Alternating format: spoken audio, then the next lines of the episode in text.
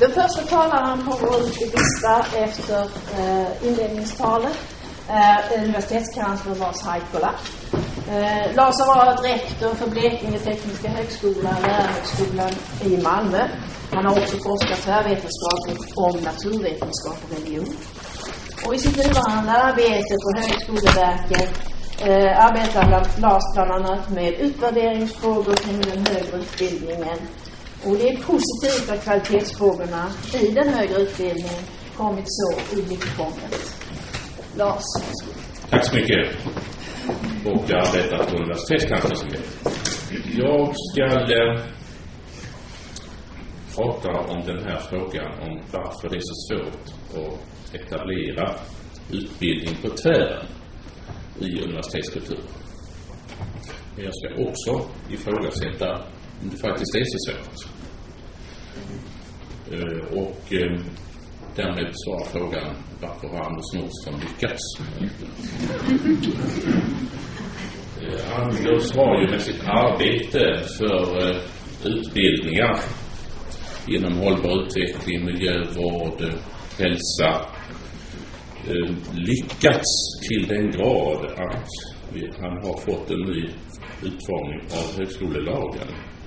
För högskolelagen säger ju numera att högskolorna ska i sin verksamhet främja en hållbar utveckling som innebär att nuvarande och kommande generationer tillförsäkras en hälsosam och god miljö, ekonomisk och social välfärd och rättvisa.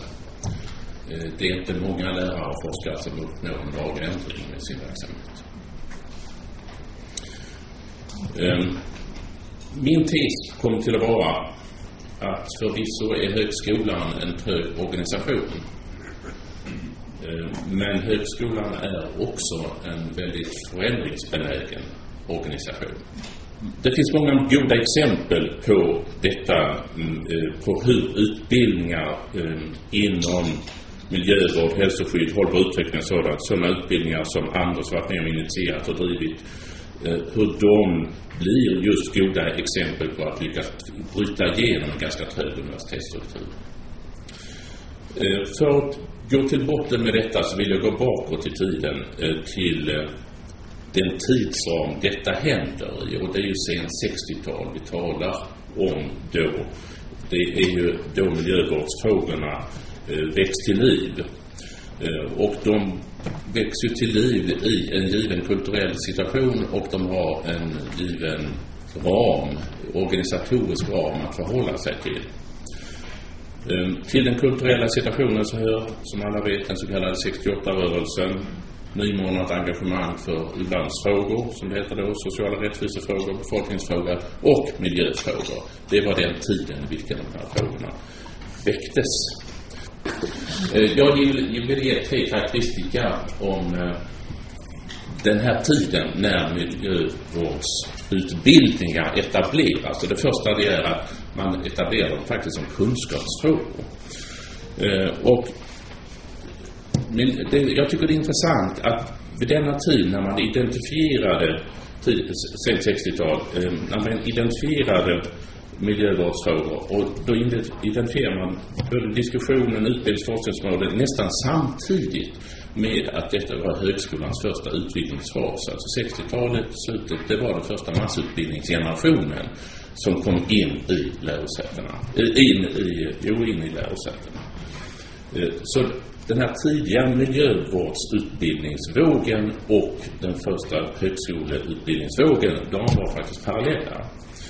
Ehm, jag tror att miljöfrågor var typiska för den här utvecklingen som innebär att högskolan då identifierade ett problem och utvecklade förslag till lösningar.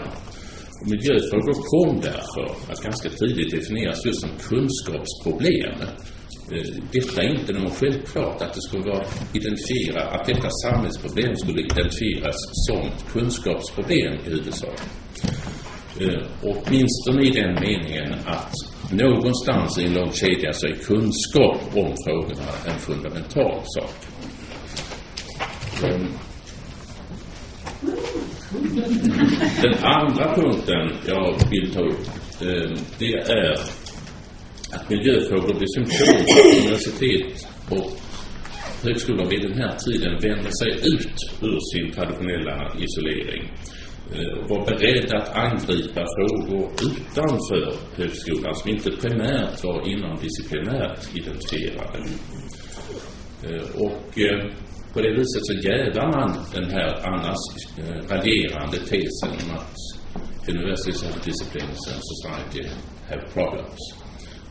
Det var, här blev det första exemplet på att man gjorde precis tvärtom. Man kan se därför miljövårdsutbildningar inte bara som ett fenomen som liksom fick bryta sig in och, eh, i en förstenad organisationskultur som universiteten eh, brukar kallas, utan också som ett ganska tidstypiskt uttryck för hur man identifierar frågor utanför akademin och använder dem inom akademin och utvecklar lösningar som då går tvärs över de disciplinära gränserna. Och i den meningen så tycker jag, jag vet att miljö, tidiga miljövårdsutbildare och forskare gärna ser sig som kärringen mot strömmen. Men jag tycker också att det finns en skäl att, kalla, att säga att det är kärringar som leder strömmen. För miljöfrågorna var bland de första eh, att skapa universitetens nya roll som en profil, eh, nya profiler och vara problemlösare åt samhället.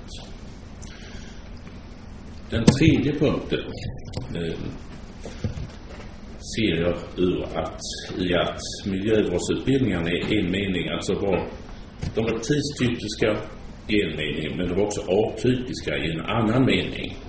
Eh, och det är i den här meningen att de bildade vad man brukar kalla på utländska för urgent questions. Man brukar väl översätta ungefär med angelägna frågor, livsviktiga frågor. Så det är ju inte alla samhällsfrågor som ändå upphöjdes till denna dignitet, denna status som miljövårdsfrågorna ändå gjorde. Ehm, det var ju inte bara miljövård, klimatförändring, hälsa, fattigdom. De blev ju tidigt identifierade och accepterade som var av synnerlig vikt för både människans och samhällets överlevnad. Så även om miljövårdsutbildningarna inte hade någon lätt resa att göra när de skulle etableras i en konservativ akademisk kultur så måste det samtidigt understrykas att